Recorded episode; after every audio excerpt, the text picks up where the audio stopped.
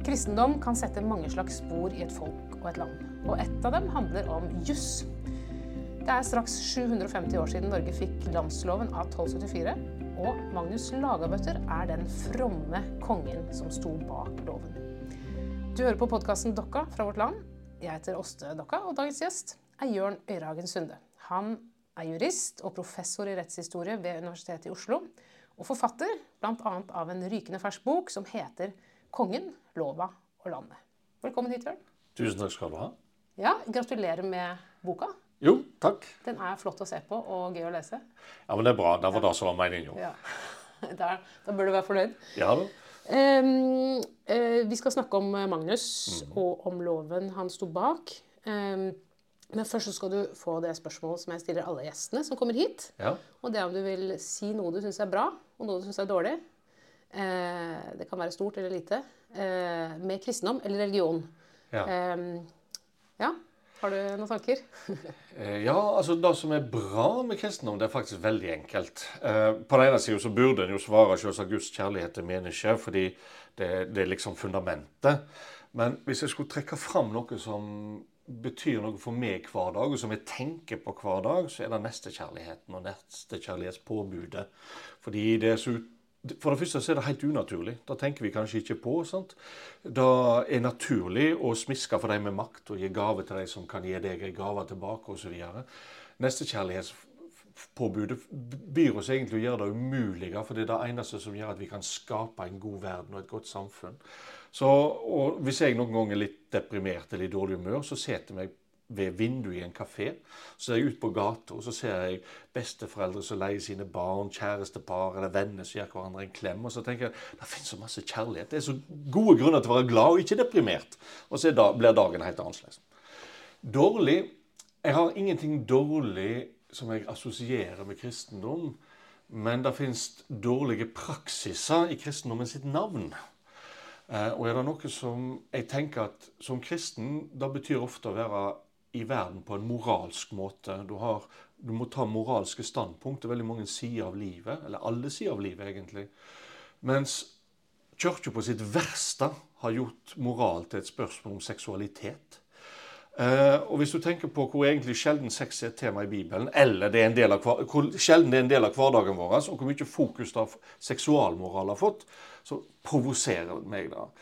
Det er både fordi en har lagd seg veldig firkanta, trange kategorier, men òg fordi en har glemt alle de andre aspektene i livet som krever moralske holdninger.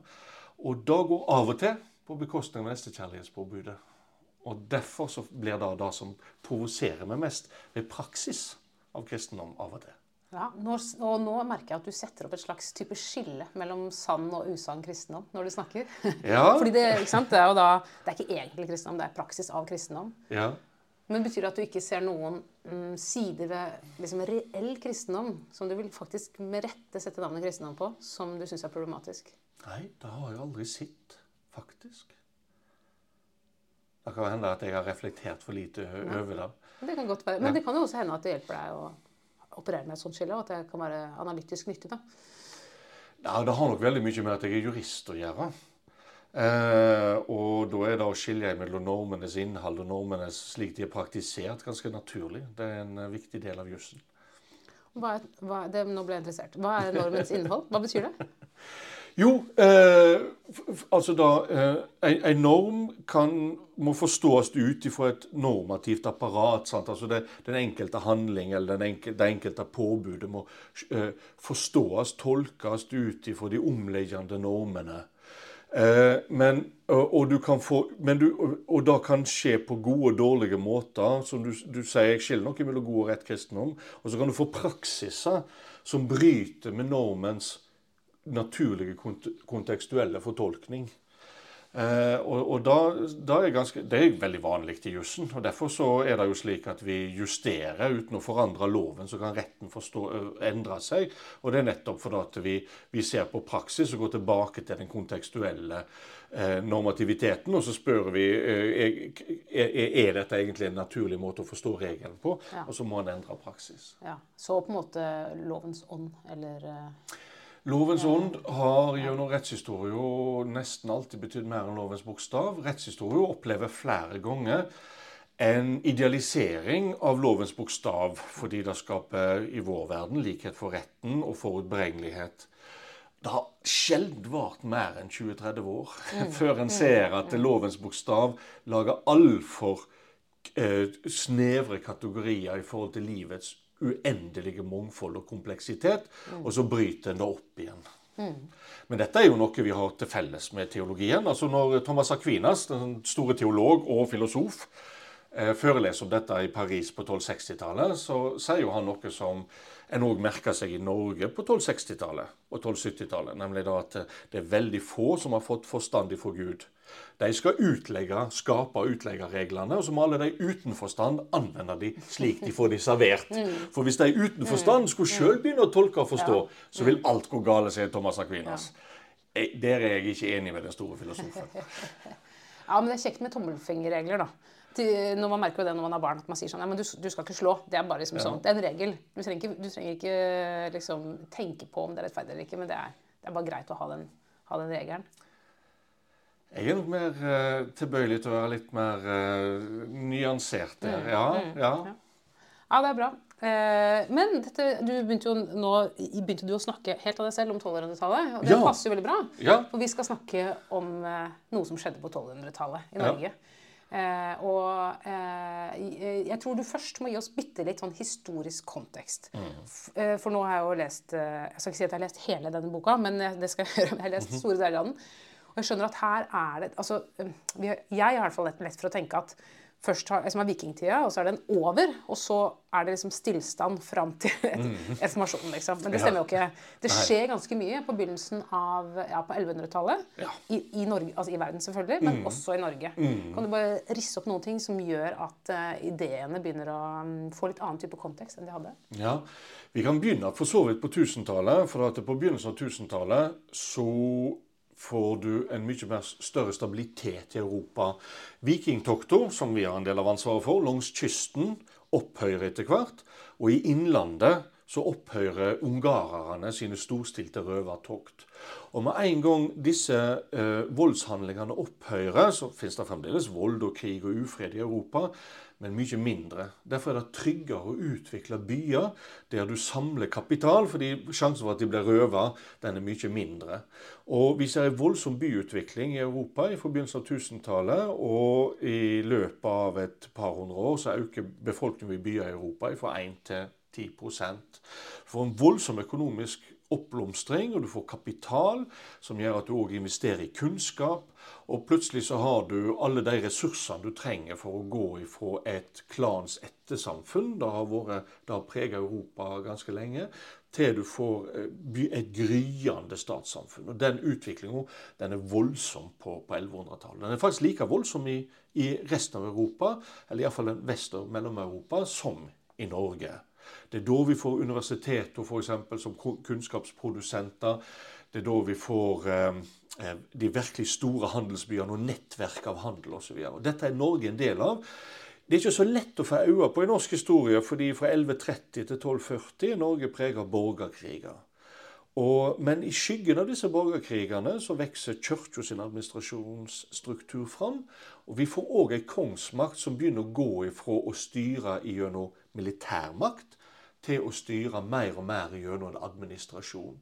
Så på mange måter da samfunnet som vi i dag, eller den statsdannelsen vi tenker på som naturlig i dag, den finner vi ikke på begynnelsen av 1000-tallet. Men vi finner den på midten av 1100-tallet så vidt, og så blir den veldig synlig og tydelig i løpet av 1200-tallet. Og En ting som jeg tenkte på mens jeg leste boka, var eh, Du er så vidt inne på det, men liksom, føydalsystemet som mm. man har som kanskje utvikler seg omtrent samtidig i Europa. Dette vet jeg ikke helt. Men det som på en måte går på at en person med makt delegerer makt nedover. Mm. Eh, det har vi på en måte ikke hatt på samme måte i Norge. Vi har hatt en annen type struktur. Mm. Eh, som istedenfor at noen er sysselmann, mm. så er noen ombudsmann. Kan ikke du si bare kort hva som er forskjellen på de to tingene? Ja, altså dette føydale systemet, tid det utvikler seg altså da vi, Ofte så pleier vi å si at Karl den store er den som begynner å sette dette virkelig i verk på, på begynnelsen av 800-tallet. Og så varierer det med eh, hvor tid det utvikler seg i ulike deler av Europa. og hvordan. Men egentlig er det en styringsstruktur der kongen delegerer sin makt nedover i flere ledd. Sånn at på en måte er det kongen som styrer, men, har, men, men med kommunikasjonene som, gjør at han ikke kan være til stede, eller hans lov ikke rett og slett når ut, så, så trenger du den type strukturer. Nei, det utvikler seg aldri i Norge. Og det er nok flere grunner til det. Det første er at det er mye vanskeligere å kontrollere territorium i Norge enn i resten av Europa. Altså Det du gjør i Europa, er jo at du har ditt jordområde som du, eller ditt territorium som du kontrollerer. Så bygger du ei borg der, og så har du en hær som reiser ut hvis noen ikke lyer dine ordrer. Skal du sånn se utover landet fra, fra borgen din? du kan jo nesten da, enkelte ja, steder. Eh, den typen strukturer finner vi utviklet seg ikke i alpeområdet, spesielt Sveits, men òg i deler av Østerrike. Ikke i Svartsvalt i Tyskland. Mm -hmm. Og ikke i den nordlige delen av Skandinavia, Norge, Sverige, Island og, Finland. Og Det er fordi eh, her er det ikke mulig å kontrollere et område militært. Norge pga. fjorder, fjell osv. Og, og da tvinger deg ifra en kommandostruktur, som føydalsystemet egentlig er, til en samarbeidsstruktur. Og så er du i Norge i den situasjonen at de rike ressursene finnes enten på sjøen eller høgfjellet. Da lar seg umulig kontrollere.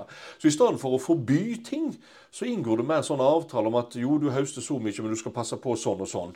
Så Norge får veldig sånn tidlig en samarbeidsstyringsstruktur av rett og slett geografiske omstendigheter. Samtidig så finnes det en konkurrerende eh, kommunikasjonsstruktur som fungerer så voldsomt bra, og det er tinget. Tinget i Norge på veldig mange ulike nivå betyr at folk er ulike lokalt eller regionalt, eller til og med på landsdelsnivå, samler seg for å skape regler, kommunisere ut regler, rett og slett drive politikk. Og den strukturen den viser seg og Hvor gammel den er, det vet vi ikke. Sånn så Når vi møter budstikker f.eks. i lovgivning på, på 1100-tallet, der den er en kommunikasjonsstruktur så er det så fasttømra og så akseptert at du trenger ikke forklare det. Det ligger liksom bare til grunn for reglene. Så dette er et veldig gammelt system, og da fungerer så bra at i stedet for at kongen kvitter seg med det og innfører føydalstrukturer, så Magnus Lagerbø til landsloven bare inkorporerer det, mm. det til en del mm. av kongens styringssystem. Og liksom, ting, tingsystemet. Det, du sier at det er på flere forskjellige nivåer. som man har mm. fra de minste eh, geografiske områdene til de større. Liksom, ja. ja. Ja, faktisk. vi kan, Selv om det ikke heter ting, det heter stevne. så ja. alle, Spesielt eh, langs kysten eh, av Norge så har vi hatt klyngetun. Dvs. Si at folk har eh, delt garn flere ganger og skapt seg flere husholdninger som bor i sammen i sentrum av garden. Og så har de delt jordene rundt. Mm. Selv disse klyngetunene har noe de kaller for grannestevne. Som jeg, jeg kaller det ofte for tunting. Det rett og slett møtes mm. ved tuntreet og, og bestemme hvordan, hva regler skal vi leve etter her. Og har noen brutt de reglene, hva skal da sanksjonene være? Eh, men da, eh, på dette tinget, eh, der er det både lovgivende og på en måte dømmende makt mm. samtidig. Så man, man, bestemmer hvilke lover man skal ha, og man dømmer der, eller? Og til og med utøver. Så alt ja. det vi forbinder med statsmakt i dag, ja. det fins på tinget. Ofte begynner det med en konflikt. Sånn. To stykker kommer til tinget og ber de løser den konflikten. Er det en liten konflikt mellom vanlige bønder, ja, så kommer de lokalt. Er det to høvdinger, ja, da er det et landsdelsting. Mm. Eh, og så dømmer tinget. De finner ut at dette var ærekrenkende, eller dette var å ta andremanns eiendom, eller et eller annet. Og da blir lovgiverne på sikt, fordi neste gang en lignende konflikt kommer opp, så gjenbruker de den ja. avgjørelsen.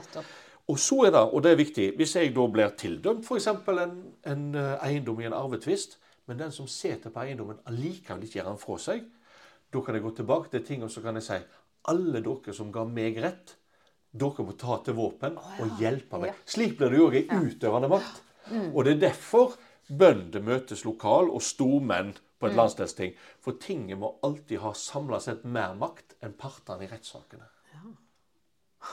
det er gøy. Og jeg må si, når jeg har lest sånn Olav Audunsson og eh, ja. Kristin Lammersdatter og sånn, Stemmer. så det er jo masse sånn rettsgreier som, eh, som eh, skjer hele tida. Så du holder på med dette her i årevis for å gå tilbake til de ulike Stemmer. tingene. Ja. Og da er altså Sigrid Undset vil jeg si er en av de dyktigste mellomalderrettshistorikerne ja. vi noensinne har hatt. Fordi eh, jeg har, jeg har jobba med Kristin Lavransdatter-triologien. Eh, og hun tar så godt som aldri feil. Ja. Og, hun finner ting som vi andre ikke har sett rett og slett i lovene. Hun er så utrolig dyktig. Så hvis en vil, så kan en lese den med et rent eh, juridisk rettshistorisk blikk. Jeg vil ikke anbefale det, for det er god litteratur. Men en kan faktisk gjøre det, og jeg har gjort det. Men det er jo også en brytningstid hos Undset. For det er vel fra liksom, den gamle lovpraksisen med mye hevn osv. Mm. til en eh, ny type eh, rettspraksis eller lov. Ja. Nå vet jeg ikke akkurat, Du sier jo på en måte nå at loven også kommer etter rettspraksisen. At det ikke nødvendigvis er lov og så rettspraksis. Ja, stemmer. er Opprinnelig er det sånn. Ja, opprinnelig er det sånn, Men så kommer skrift på Ja. 1150-tallet.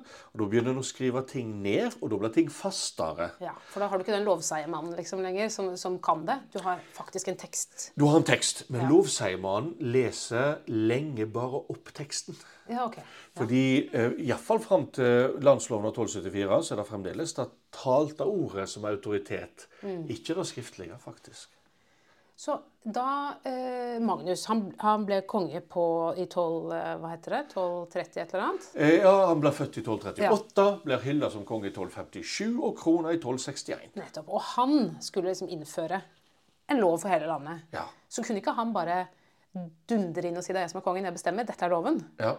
Det var, det var umulig. Det kunne man ikke gjøre. Ja. Så det politiske altså man tenk, eh, Jeg tenker i hvert fall, eh, har vel tenkt på en eller annen måte at kongen var liksom eneveldig fra, fra urtida. Men det stemmer jo ikke. Nei.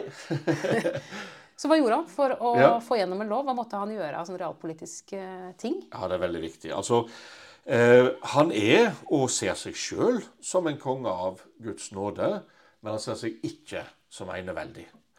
Eh, det skyldes delvis hans historieoppfatning. Altså, Han er helt overbevist om at den første lovgivende konge var Olav den hellige på Moster i 1024. Og han er helt overbevist om, og jeg tror han har forstått kjeldene rett, som at Olav på Moster ikke dikterer kristenretten, men at han forhandler med tinget. Eh, og det gjør at da som Magnus ser seg sjøl som Olav sin etterfølger som konge, som en kristen konge over Norge, så må han òg forhandle om hva som skal være loven. Han kan ikke diktere den uten videre. Han har en mal, fordi det er Guds vilje. Eh, Sånn at han er ikke villig til å kompromisse på alt.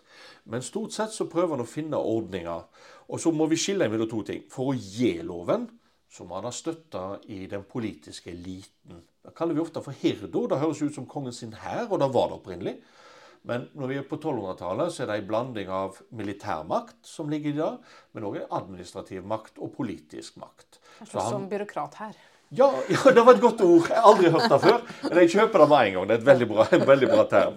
Og den må han forhandle med. Der, der har han sine 16 lendmenn i en periode kalt baroner, ca. 16. Og så har han ca. 50 sysselmenn, og så har han flere hundre andre som har ulike posisjoner.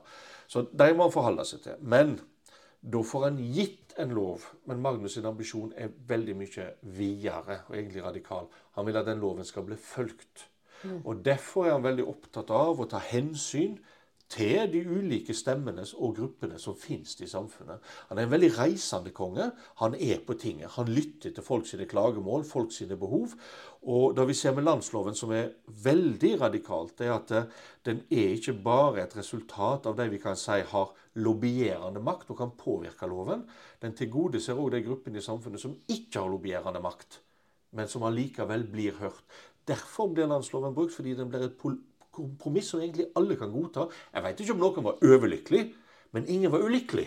Og da lever en lov så lenge som landsloven i 400 år. Og vi skal komme tilbake til de gruppene. Eh, men først så må vi si noe om Magnus sin bakgrunn. For han var jo kongssønn selv, Ja. men han var ikke tiltenkt tronen. Men så dør den ene, og så dør den andre. Der sitter han plutselig. Ja. eh, Og ikke blitt utdanna til å være konge. Han har fått en helt annen utdanning. Ja, Egentlig så tror jeg ikke han hadde peiling når han blir hylla som konge i 1257. Eh, da er han 19 år gammel. Eh, og som du sier, han var ikke tiltenkt å bli konge fordi han var ikke den som hadde best arverett. Men i tillegg så ser det ut som han var sjukelig. Jeg tror rett og slett ikke aldri trodde han skulle vokse opp. Eh, og når han da har en eldrebror som er virkelig frisk og sterk, og en dyktig jeger og alt sånn som du forbinder med idealkongen i mellomalderen, så ble nesten Magnus Han ble ikke skjøvet vekk, men han ble nesten pakka vekk. Sannsynligvis fordi han var sjukelig. Vi finner han ikke ved hoffet, ikke der den driver politikk. han får sin utdannelse av fransiskanerne i Bergen. Eh, og, det, og jeg tror det er delvis fordi han er sjukelig. fordi At han skulle få en utdannelse i et kloster, er ikke unaturlig. Der er det masse lærdom. Men rett ved kongen sitt slott i Bergen, rett ved Håkonshallen, der holder dominikanerne til. De er en lærdomsorden, men òg en orden som ofte nettopp gjør tjeneste for kongen som diplomater, som skrivere, altså i forskjellige embeter. Men det er ikke der Magnus blir sendt. Altså Han blir sendt til fransiskanerne. Men de er gode på medisin fordi de nettopp behandler de elendigste i samfunnet. Dette er jo tiggermunkene, gråkuttemunkene, barfotmunkene. Det er de som jobber og bor blant samfunnets elendige. Der er det Magnus får sin utdannelse. Og, og, det betyr kanskje at han rett og slett bodde der en periode, eller? Han har helt sikkert hatt en relasjon til klosteret, og han ja. må ha vært der, som ja. er Bergens slum. Om han bodde der, det vet vi ikke. Mm. Men han har en veldig sterk relasjon. Da ser vi både av de pengegavene han senere gir til klosteret. Han blir begravd i klosteret, i klosterkirka, som er i St. Olavskirka. Og det er veldig spesielt, fordi alle andre i familien før han og etter han blir gravlagt i katedralen, som det passer seg en konge. Mm. Han blir gravlagt i fransiskanerklosteret. Eh, men vi ser òg at han nok har høste erfaringer ifra å omgås de elendigste, som senere skal prege lovarbeideren. Så han, om han bodde der, det vet jeg ikke, men han har hatt en sterk relasjon, og han har kjent av miljøet klosteret lå i. Når du sier utdanning, så tenker jeg liksom at da har han gått på skole der i ti år, minst. Ja. men kanskje ikke det det betyr? Kanskje det betyr at han lærte seg å lese og lærte å kunne litt latin, eller vet, vet vi helt hva utdanning betyr? Både hans far og hans bestefar vet vi kunne reise seg spontant og holde en tale på latin. Ja. Og hans bestefar, når han lå for døden, så leste de latinske tekster for han han ble så sjuk at han ikke orka mer. Da måtte han ha det på norrønt. Eh, så Magnus har nok kunnet latin. Vi vet veldig lite om det. Men det som er mest spesielt for meg, og som forteller kanskje mest om hvor inngående utdannelsen hans var, det er jo at litt forenkla sagt så kan vi si at fransiskanere var veldig opptatt av to områder i samfunnet. Det ene er de fattige, og det er ganske naturlig, for det er de de, de driver med diakoni eh, i forhold til de elendigste i samfunnet. Men så er det noe vi ikke tenker på som naturlig, og det er handel. Frans av Assisi var jo sjøl opprinnelig handelsmann. Og han var veldig opptatt av at hvis du ikke har et rikt handelsliv, så får du ikke et overskudd i samfunnet til å fordele til de fattige. Og Derfor så var det veldig mye snakk blant fransiskanere om hvordan å utvikle rett og slett det vi kan kalle handelslivet, næringslivet.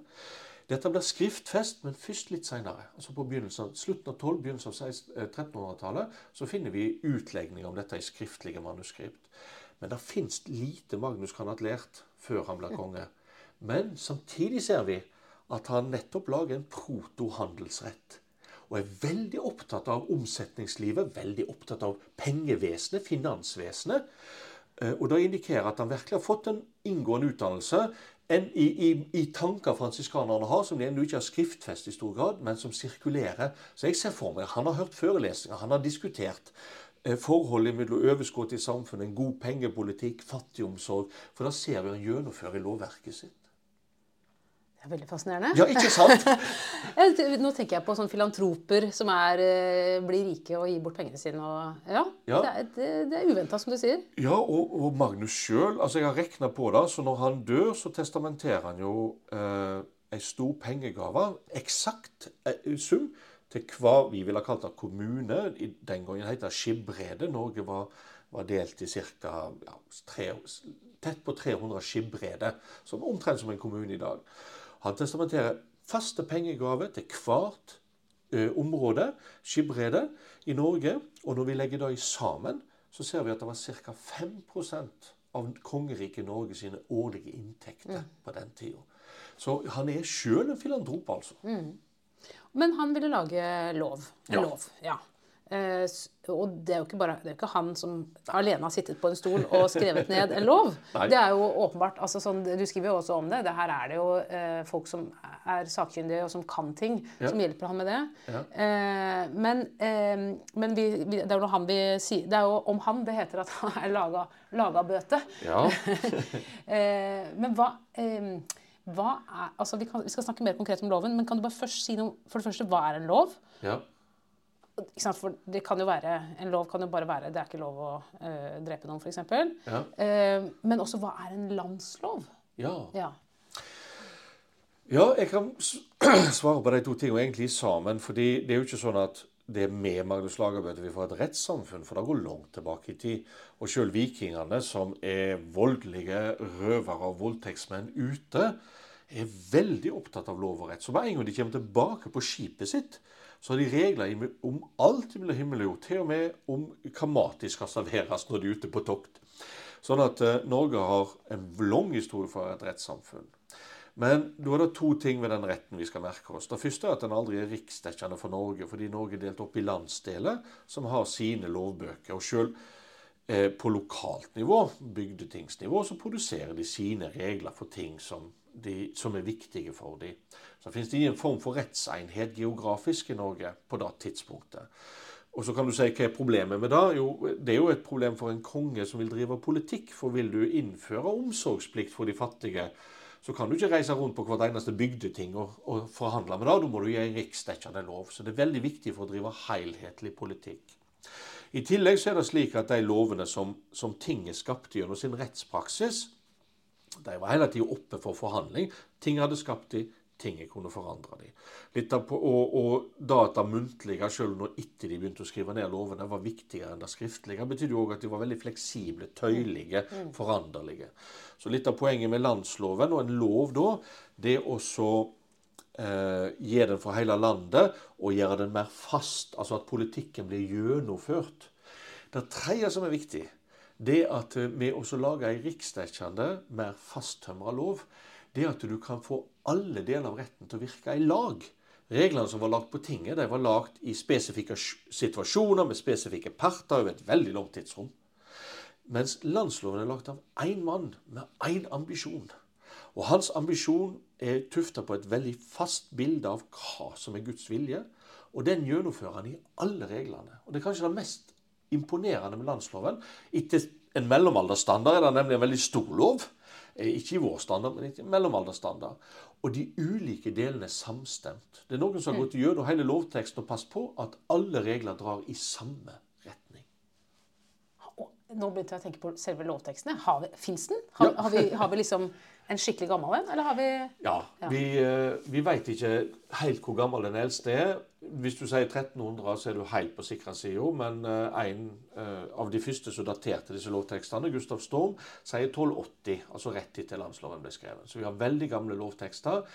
Eh, En av de tingene vi har gjort i et prosjekt, eh, Nasjonalbiblioteket og Universitetet i Bergen har samarbeidet eh, i et prosjekt der en har gått gjennom alle bevarte manuskript og alle bevarte fragment. Og Der har en da kartlagt variasjonene, fordi det finnes jo en god del variasjoner. De aller fleste er språklige, så de betyr ingenting. Men det finnes en god del også innholdsmessige variasjoner. Og det har gjort oss i stand til å få et innsyn i hva som var kontroversielt med landsloven. For når noe blir forandra i mange manuskript, så er det fordi folk ikke har syntes det var en god regel. Og- Eller ja, kanskje ikke det lot seg operasjonalisere på den måten man hadde liksom, ah, Det var det du snakka om i stad. Ja, at, ja. liksom, at rettspraksisen begynner å dytte litt på lovens Ja. bokstav. Ja, det, og det er det som skjer. Ja. Eh, men det, har ofte, det er ofte knyttet til temaer vi kunne si var radikale. Og det er spesielt to temaer. Det ene er fattigomsorg. Det har vært veldig radikalt. Den tanken om at du har ei plikt overfor de elendigste i samfunnet, fordi alle er skapt av Gud, dermed har alle et menneskeverd, den bruker veldig lang tid på å feste seg, altså. Og landsloven er der veldig radikal. Eh, Det andre er kvinners rettighet til å gifte seg med den de vil, og disponere over eiendom. Det har òg vært ekstremt radikalt, og da ser vi at i nesten halvparten av manuskriptene har kvinner mista den rettigheten. og da er fordi det er menn som sitter og skriver, og de tenker at dette går ikke. Og så forandrer de regelen. Ja, men Det er veldig interessant, for du sa jo det i stad, at det er liksom Guds vilje som er poenget for Magnus. Ja. Eh, han er ikke ute etter eh, liksom, gunst eller penger for sin egen del eller hva som helst. Han, det, hans prosjekt er å sette gjennom Guds vilje i Norge. Ja. Eh, og da kan man jo tenke hvordan får man Guds vilje til å skje gjennom loven? Man tar bare Moseloven. Ja. Det kunne han ha gjort, ja. men det gjorde han ikke. Nei, da tenkte han ikke engang. Nei? Eh, Moseloven er normalt ikke brukt før reformasjonen som en juridisk tekst. Det er fordi en skilte så tydelig. sant? Altså Moseloven er i Det gamle testamentet. Det gamle testamentet gjelder ikke lenger. En prøvde å forholde seg til Nye testamentet, som er mye vanskeligere. Moseloven er enkelt, klare regler. sant? Nye testamentet, ta bergpreko f.eks., inneholder en masse normativitet, men det er lite omsetningsbart i konkrete regler. Veldig vanskelig. Ja, og dette strevde en med hele mellomalderen. Eh, Moselovene blir dog brukt én sted i Europa, og det er England. Og det er interessant, fordi hvis vi ser på lovgivningen til Olav den hellige på Moster, så er den klart engelskinspirert, bl.a. fordi Moselovene ble brukt. Både de konkrete reglene, eh, forbudet mot eh, spådomskunst f.eks., som ikke er vanlig å finne i Europa, men som vi finner i den eldre Gulatingsloven, den delen Olav skal ha skapt. Eh, forbudet mot Ja, det finnes flere regler der. Og så er de ti bud brukt. Fire av de ti bud er brukt i den kristne retten. Og Alt tyder da på at det skyldes engelsk innflytelse gjennom biskop Grimkjell, som var engelsk, men var Olavs hirbiskop. Men alle de mosaiske reglene som vi finner som hang av i 1024, de blir forlatt i løpet av 1100-tallet. Fordi mosaisk rett er normalt ikke altså brukt på denne måten før etter reformasjon. Da kommer den for fullt. Ja. Så Magnus han er ikke opptatt av moselovene. Men hva er kilden hans til Guds vilje, da? Åssen vet han hva det er? ja, eh, han har Altså, noen ting er så Er en så enige om i mellomalderen at det er ikke noen grunn til å diskutere engang. Typisk at kvinner skal samtykke til ekteskap. Foreldre kan ikke gifte vekk en kvinne mot hennes vilje, f.eks. Eh, og, og, og, og, det, og det er de på en måte klare prinsipper som han gjennomfører. Men de har konsekvenser. Fordi hvis kvinner skal kunne samtykke til ekteskap, så må Magnus gi dem arverett. Det, han, arverett han, han, tenker ikke at arverett er noe Gud har innstifta for kvinner. Men han vet at hvis ei kvinne ikke har kapital, så kan hun ikke si nei til det gifte som foreldrene foreslår. Fordi da står hun på bar bakke. Når foreldrene sier hvis du ikke gifter deg med den vi foreslår, så er du vekk ifra oss. Da har hun ingen kapital. Så når Magnus innfører arverett for kvinner, eh, selv om det er bare halvparten av det menn har, så er det for å realisere det han vet er Guds vilje. Så uh, du kan si ja. at ja. Så det er for å gi kvinner autonomi? Ja, For at kvinner skal ha sine egne penger? Nettopp. For det er han opptatt av. Og det viser både hvordan han tenker. Sant? Han har visse prinsipp som han skal gjennomføre. De vet han er Guds vilje. Og så blir det en masse regler som ikke nødvendigvis springer ut av Guds vilje, men som han bruker som instrument og den måten å tenke på, den er veldig kompleks. Og vi ser jo at landsloven på sett og vis kommer i to utgaver. 1267, som erkebiskopen rett og slett torpederer da prosjektet. Så må de begynne på nytt, og så får du landsloven av 1274. Og da vi ser at da å utvikle den bruken av instrument for å realisere prinsippene, den er ikke fullt utvikla i 1267, for det er ganske komplisert. 1274 har de kommet veldig langt. Kvinner, det er én ting. Ja. Eh, et annet tyngdepunkt i den loven er jo, som du har nevnt, eh, fattigdom. Ja. Eh, og det er litt finurlig hvordan de fattige tilgodeses ja. eh, ved almisseplikten. Ja. ja. Fortell om den. Almisseplikt har vært ekstremt radikal. Fordi eh, da vi ser det at eh, en har vært opptatt av egentlig å slåss mot kirka sin nestekjærlighetspåbud. Dette at du skal ta vare på de fattige. Så vi ser at lovgivninga før landsloven behandler de fattige ekstremt brutalt. Og dette vil altså Magnus endre på. fordi i hans verden så har de jo krav på å holdes til live, og det er et samfunnsansvar. Så Derfor innfører han ei almisseplikt, men som du sier, veldig finurlig, egentlig indirekte. For da han sier det, altså det landsloven sier, det er at den som stjeler, skal straffes uten når vedkommende stjeler fordi vedkommende er arbeidsufør og sulten. Begge deler må være til stede. I det tilfellet så kan du også ta mat uten at du straffes. Det betyr i praksis at hvis du tigger og ikke får mat, så kan du gå inn på stabburet og ete deg mett. Det er veldig motiverende for å gi. Mm. Samtidig så er det ikke en sånn, sånn tøylesesløs snillisme. fordi dette med arbeidsufør kriteriet. Og der, Da bruker de til å skille de verdige og uverdige fattige. Det er et, et eh, skille som har vært diskutert i Europa siden eh, munken Gratian på 1140-tallet. Og vi finner det i landsloven. fordi hvis du tigger mat og er sulten, men arbeidsfør, da skal du settes i arbeid, og så skal du lønnes med mat. Sånn at eh, det er ikke alle som kan tinga. Du må være verdig. Men slik innfører en altså ei almisseplikt i Norge. Og eh, jeg tenkte på det da jeg leste boka. Du nevner jo at eh, slavestanden blir mer eller mindre oppløst utover Altså før eh, 1200-tallet. Så slaver har vi nesten ikke. Og det, det har jo å gjøre med at man, ikke, man tok vel slaver eh, som vikinger, men Ja. så hadde man ikke så stor anledning til å ta slaver etter det. Ja. Eh, sånn at du, du, det plutselig oppstår eh, mennesker som Eller en gruppe det, oppstår en gruppe som ikke har landeiendom, rett og slett. Ja. Og de, litt for mange Ja. i forhold til eh, hva man kan liksom ansette. For man hadde jo ikke store fabrikker og osv. Eh, vi vet jo ikke hvor mange som var slaver eller træler i Norge, men eh, anslaget til Jørn Sandnes er ca. 20% Så det er en veldig stor andel av befolkninga. Og når vi går inn på 1100-tallet, så er vi et fullt ut Vi har en slaveøkonomi, rett og slett. Og når 1100-tallet slutter, altså 100 år senere, så finnes det sannsynligvis ikke formelt slaver igjen i Norge. Og det er to ting som, som driver den utviklinga. Det ene er det moralske. Altså Kirka som sier at folk har et menneskeverd.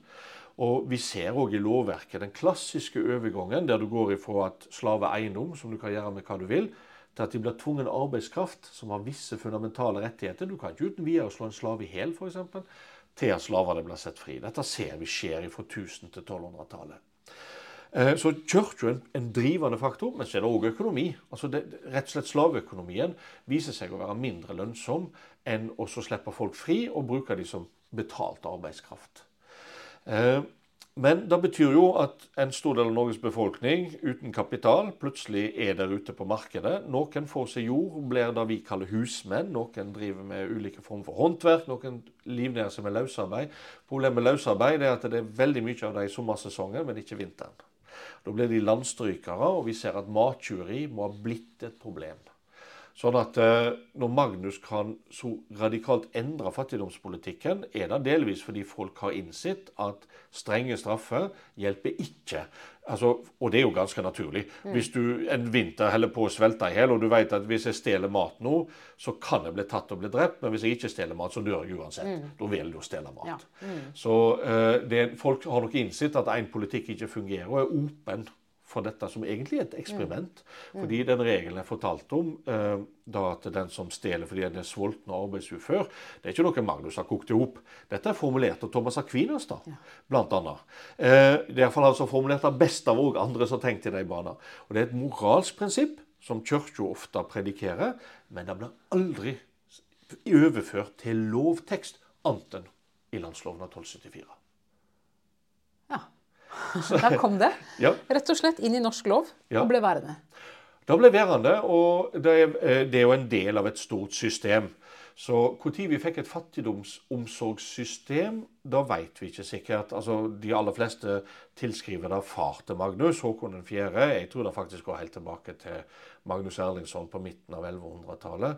Men uansett så ser vi at når ettersamfunnet, klansamfunnet, går i oppløsning, og etter sitt ansvar for sine medlemmer forvitrer, så må lokalsamfunnet ta ansvar. Og Magnus bygger ut dette systemet med legd. Vil si at den fattige, eller fattige familien alltid som går, blir transportert, eller går fra gard til gard og får mat og husly. Ingen luksustilværelse, men du overlever. Da er igjen et veldig spesiell ting at kommer inn i ei verdslig lov. Fordi det er i Europa kirka som har ansvaret for de fattigste. Eh, Ofte så begrunner det sant, med Jesus som tigger mat for eksempel, til seg og læresveinene. Altså, det, det, det liksom beviset for at disse òg er verdige. Men eh, inn i verdslig lovgivning blir ikke dette tatt. Så vi vet annet islandsk og, og norsk og delvis svensk lovgivning. Og det er et så stort mentalt sprang at det ikke ble innført i Danmark, f.eks. Da prøvde å innføre det første gang i 1521. Feiler forferdelig. Det ble innført i Danmark med varig virkning først i 1708. Fordi det dreier seg jo om at du må innse at OK, jeg får med jevne mellomrom fattige inn her, så jeg må gi mat, og så må de få sove på loftet på sauehuset og, og slike ting. Det er et tap for meg. Men jeg vinner på at de ikke springer rundt og stjeler lam på beite og eter dem fordi de er sultne. Det høres logisk ut, men det, det er veldig stort mental sånn der sprang da der. Eh, og det kommer hos oss rundt med landsloven. Og når det kommer inn i verdslig rett, så tror jeg det er pga. Magnus' sin fransiskanske bakgrunn. Ja, og det, En ting er nå disse voksne arbeidsføre, men hva med barna? Hvordan endrer, Er det noe som skjer med dem i og med landsloven? Eh, ja, delvis, men eh, det, det, viktigste skjer faktisk utenfor landsloven. Fordi det vi ser, og eh, det at de eldre rett, så har du gjort de som er 15 år, de blir voksne.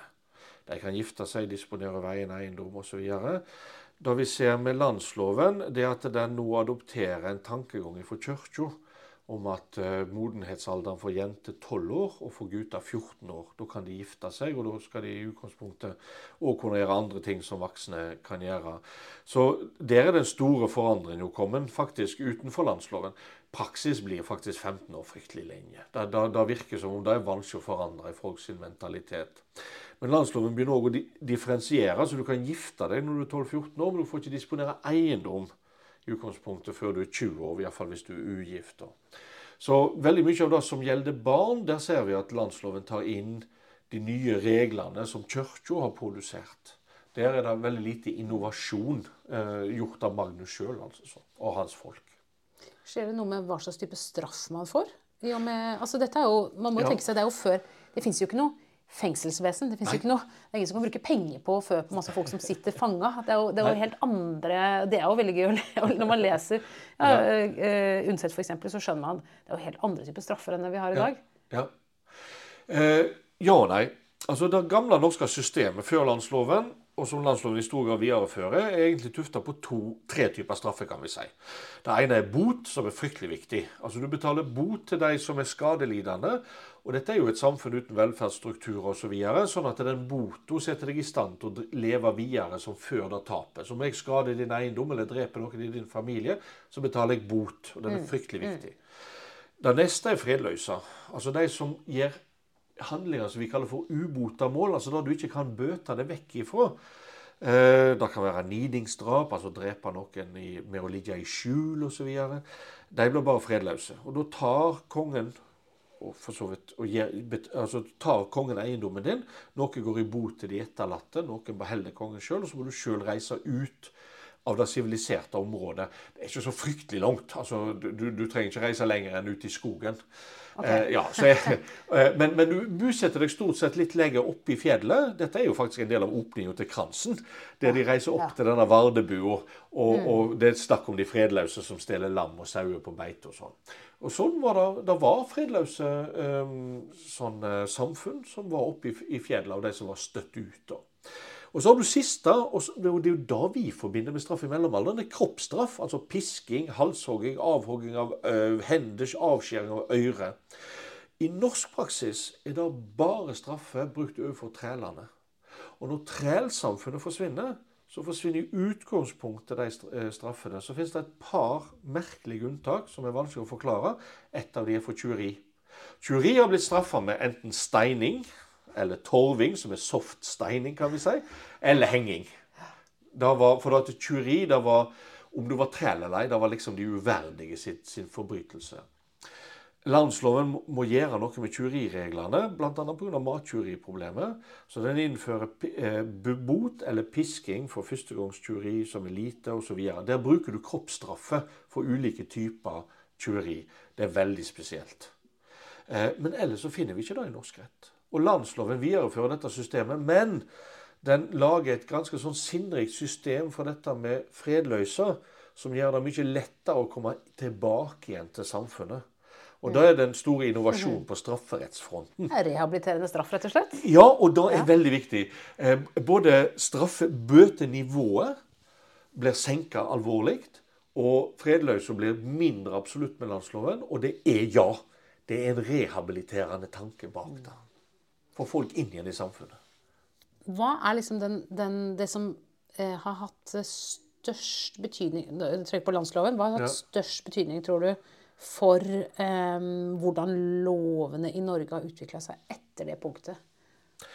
Ja, da tror jeg er selve prosessen. Altså da at landsloven ikke er et kongelig diktat, men at den er et spørsmål om forhandling og kompromiss, der òg stemmer som ikke har lobbyerende makt, blir hørt. Det gjorde at landsloven blei brukt i praksis. Og den ble brukt i 400 år før den ble avløst av en ny lov. Og det tror jeg gjorde Norge til et lovland. Fordi vi har selvsagt lover og regler i alle land i Europa. Konger står bak en forunderlig liten del av dem, for de har så vanskelig for å få gjennomført sine lover. Landsloven har en samfunnsreformerende ambisjon. Den blir realisert. Det er delvis fordi den er et kompromiss, delvis fordi du legger opp til et anvendelsessystem som involverer vanlige folk. Og de ble gitt kompetanse til å tolke og forstå loven, sånn at den ga gode resultat. Kongen gjør altså opp noe av sin makt mot at loven tross alt blir brukt, men kanskje ikke helt etter intensjonen. Eh, alt dette gjør at folk får et veldig tillitsforhold til loven. Og Når vi kommer ut på 1400-tallet, så ser vi at landsloven blir referert til ved enkelte tilfeller som den hellige lovboka. Mm. Eh, landsloven blir òg av og til referert til som at du anker en dom til lovboka. Altså Lovboka blir nesten sett på som en slags relikvie, som har en slags helende kraft i seg sjøl. Det betyr at landsloven er blitt holdt veldig høyt. Eh, Magnus blir til og med sjøl omtalt som hellige Magnus, som står bak den hellige lovboka. Det er noe å overdrive en smule, men eh, det forteller noe om hvor høyt de akta ble holdt. Og det tror jeg var med å skape ei holdning i Norge om at lov er bra. Og vi tror jo at lov er bra. Mm. Men det er det jo ikke. Altså Hvis du ser rundt om i verden, så er jo lov ofte et uttrykk for korrupsjon, for maktmisbruk osv. I mange land er det sånn. Men det er, har det ikke vært hos oss. Og Det skyldes altså måten loven ble til på, og så anvendelsessystemet. Da at Magnus Og det er ekstremt radikalt. Altså Dette er det motsatte av Thomas Aquinas, sånn som jeg har sitert tidligere om de få som har fått forstand fra Gud. Magnus bruker alle disse ressursene på å lage loven, og så sier han men loven skal ikke brukes. Du har plikt til ikke å bruke loven hvis den gir et urimelig resultat. Det er jo fordi den skal realisere Guds vilje. Gud kan ikke være urettferdig. Altså, hans natur er rettferdighet. Ergo, så hvis loven gir et urimelig resultat, hvis du anvender den etter dens bokstav, så er det en feil en eller annen plass. Da må dommerne rette den opp. Og Da gir dommerne veldig mye makt, selv om de må bli enige og de må diskutere. og sånne ting så betyr det at folk får en eiendomsforhold til loven. Og da lever vi her i dag. Vi tenker ikke over det. Men vi har jeg tror det er 832,5 lekdommer per 100 000 innbyggere i Norge i dag. Vi er på topp i Europa. Neste land er Monaco, det, så de tar jeg ikke med. Men tredje land på den lista er Danmark med litt over 200. Hmm. Sjettemann er England med åtte lekedommere per 100 000 innbyggere. Ja. 1 av oss mm. mindre enn det, faktisk. Men vi reagerer ikke på det. Vi tror at det er helt normalt. Mm. Men det er fordi landsloven altså velger ikke å være et påbud, men å være både i sin utforming og i sin anvendelse et spørsmål om forhandling og medvirkning. Og Da tror jeg har skapt denne forståelsen av at lov er bra, og at vi kan være med og påvirke og bestemme hva skal lovens innhold skal være. En helt unaturlig tanke. Jeg hadde noen japanske eh, professorer på omvisning i et rettslokale en gang og pekte ut liksom der. Så heter de lekedommerne. Og de var helt forferda og spurte meg tar dere inn folk fra gata for å drive med kirurgi på sykehus. Altså juss er en vitenskap. Ja. ja. I Norge så har vi altså disse holdningene, og det skyldes mm. mange faktorer ved lang historisk mm. utvikling, men landsloven er en viktig begynnelse. Og det sier jo også at man mener at et menneske vet hva rettferdighet er, og kan eh, si det til de andre. Ja. ja. Det gjør det. Og så fikk de hjelp. Altså, det er ei, ei gammel fortell, jødisk fortelling basert på Salme 85 om Guds fire døtre. Altså om eh, miskunn, rettferdighet, sannhet og fred. Eh, som i Salme 85 ikke kalt Guds fire døtre, men i den jødiske tradisjonen mm. ble de kalt Guds fire døtre for å skape en relasjon til det guddommelige. Altså det er verdier som er tett på det guddommelige. Og den ble brakt inn i europeisk, retts, eh, unnskyld, europeisk åndsliv på 1100-tallet, bl.a. Bernhard av Clairvaux. Og så kommer den inn i Norge. Sannsynligvis slutten av 11, begynnelsen av 1200-tallet. Og den er eksplisitt brukt i landsloven. Fordi hvis du skal finne en ny regel fordi den loven er urettferdig, så må du alltid konsultere sannhet, rettferdighet, miskunn og fred. Så du er ikke helt på sånn fri fot. En bruker fremdeles fordi når loven skal fremme Guds vilje, så må jo de som Gud sjøl konsultere når han skal dømme. For det var en del av fortellinga. Når Gud dømte Adam og Eva, konsulterte han rettferdighet, sannhet, miskunn og fred. Derfor må vi alle konsultere deg når vi skal skape rett. For bare da kan vi skape rett etter Guds vilje. Tenker Magnus. Det er jo fascinerende. Altså, og det er, dette er en lov som handler om å sette Guds vilje igjen. Det er, Ja. liksom det, det er grunnleggende. Og eh, det eh, får meg tanker om eh, forskeren Tom Holland, Ja. som har skrevet en bok som heter 'Dominion', Ja. eh, hvor han sier at i verden så kan man eh, altså Hvis man ser rundt seg i verden, så kan man se hvor kristendommen har vært. Ja. For den setter avtrykk. altså Det handler ikke bare om hva, hva tror du i ditt hjerte, hvem tilber du, men den setter samfunnsmessige avtrykk. Eh, og her kan vi jo kanskje, hvis vi putter inn eh, Magnus sitt verk i den, den måten å forstå eh, samfunnet på, Ja. så er jo dette kanskje et sånt avtrykk da, i Norge. Ja, fordi dette er de verdiene som for så vidt allerede Olav den hellige og biskop Grimkjell prøver å gjennomføre med kristenretten på Moster. Men som de ikke kommer så veldig langt med. altså Egentlig kristenretten på Moster veldig mange nederlag. Fordi en har hatt en idé om at kvinner skal samtykke til ekteskap, og så møter du motstand. Men når du kommer til landsloven, så er vi i en helt annen situasjon, fordi ideene har fått festna seg. Det er allmenn enighet om verdiene, fremdeles ikke allmenn enighet om praktiseringen av de, og hvor grensene går og sånn, og da kan vi vel kanskje si at vi fremdeles ikke er helt enige om. Men aksepten er veldig stor for de fleste, og det gjør det at de kan gjennomføres i landsloven. Helt til sist, eh, Jørn, eh, hva tror du Magnus hadde reagert mest på ved det lovverket vi har i dag? Jeg tror at han hadde spurt Men hva er ideen bak? For, det, for han begynner med ideen. Vi har jo masse enkeltlover. Vi har 732 tror jeg, enkeltlover, og så har vi ca. 13 000-14 000 forskrifter. Alle disse er lagd på ulike tidspunkt med ulike ambisjoner. De stemmer ikke alltid helt overens, og vi har ingen felles sånn samla idé, og ikke nødvendigvis en samla verdiplattform bak dem. For han var det helt nødvendig. Så han vil ha spurt hva vil dere egentlig med disse lovene? Hva er det dere vil oppnå? Hva samfunnet er visjonen? Eh, For de gir ikke i dag uttrykk for en samla samfunnsvisjon. Og det Svaret på det er vel at vi ikke har den, og at eh, det er en stor forskjell fra hans tid til vår tid. Og siden vi da heller ikke har noen visjon med lovene, så har vi kanskje heller ikke noen instans over loven. Og dermed blir loven enda mer lov enn den var før. Da tror jeg vi har jo for så vidt Vi bruker menneskerettighetene og slik som en sånn instans over loven. Eh, og, og, og det er viktig i seg sjøl, men, men sjøl menneskerettighetene smul, blir liksom til sjuende og sist et spørsmål om masse sånne små regler og alt sånt. Eh, det, det er fremdeles, selv om de kan sies å være overordna loven, så har de ikke den posisjonen som de overordna verdiforestillingene til Magnus hadde for hans lovgivning på noen måte. Jørn, tusen takk for at du ville komme og fortelle oss om Magnus og hans lov. Eh, og du, kjære lytter, har hørt på podkasten Dokka fra vårt land. Jeg heter Åste Dokka. Produsenten er Sondre Bjørland. Og Vårt Land har en podkast til som heter Kammerset. Der får du ukentlige programmer om norsk politikk. Og vi syns det er hyggelig å høre fra lytterne, så om du har eh, lyst til å sette på fem stjerner på spilleren din, eller sende oss en e-post med en eh, klok gjest, så tar vi imot det med glede. Ha en fin dag.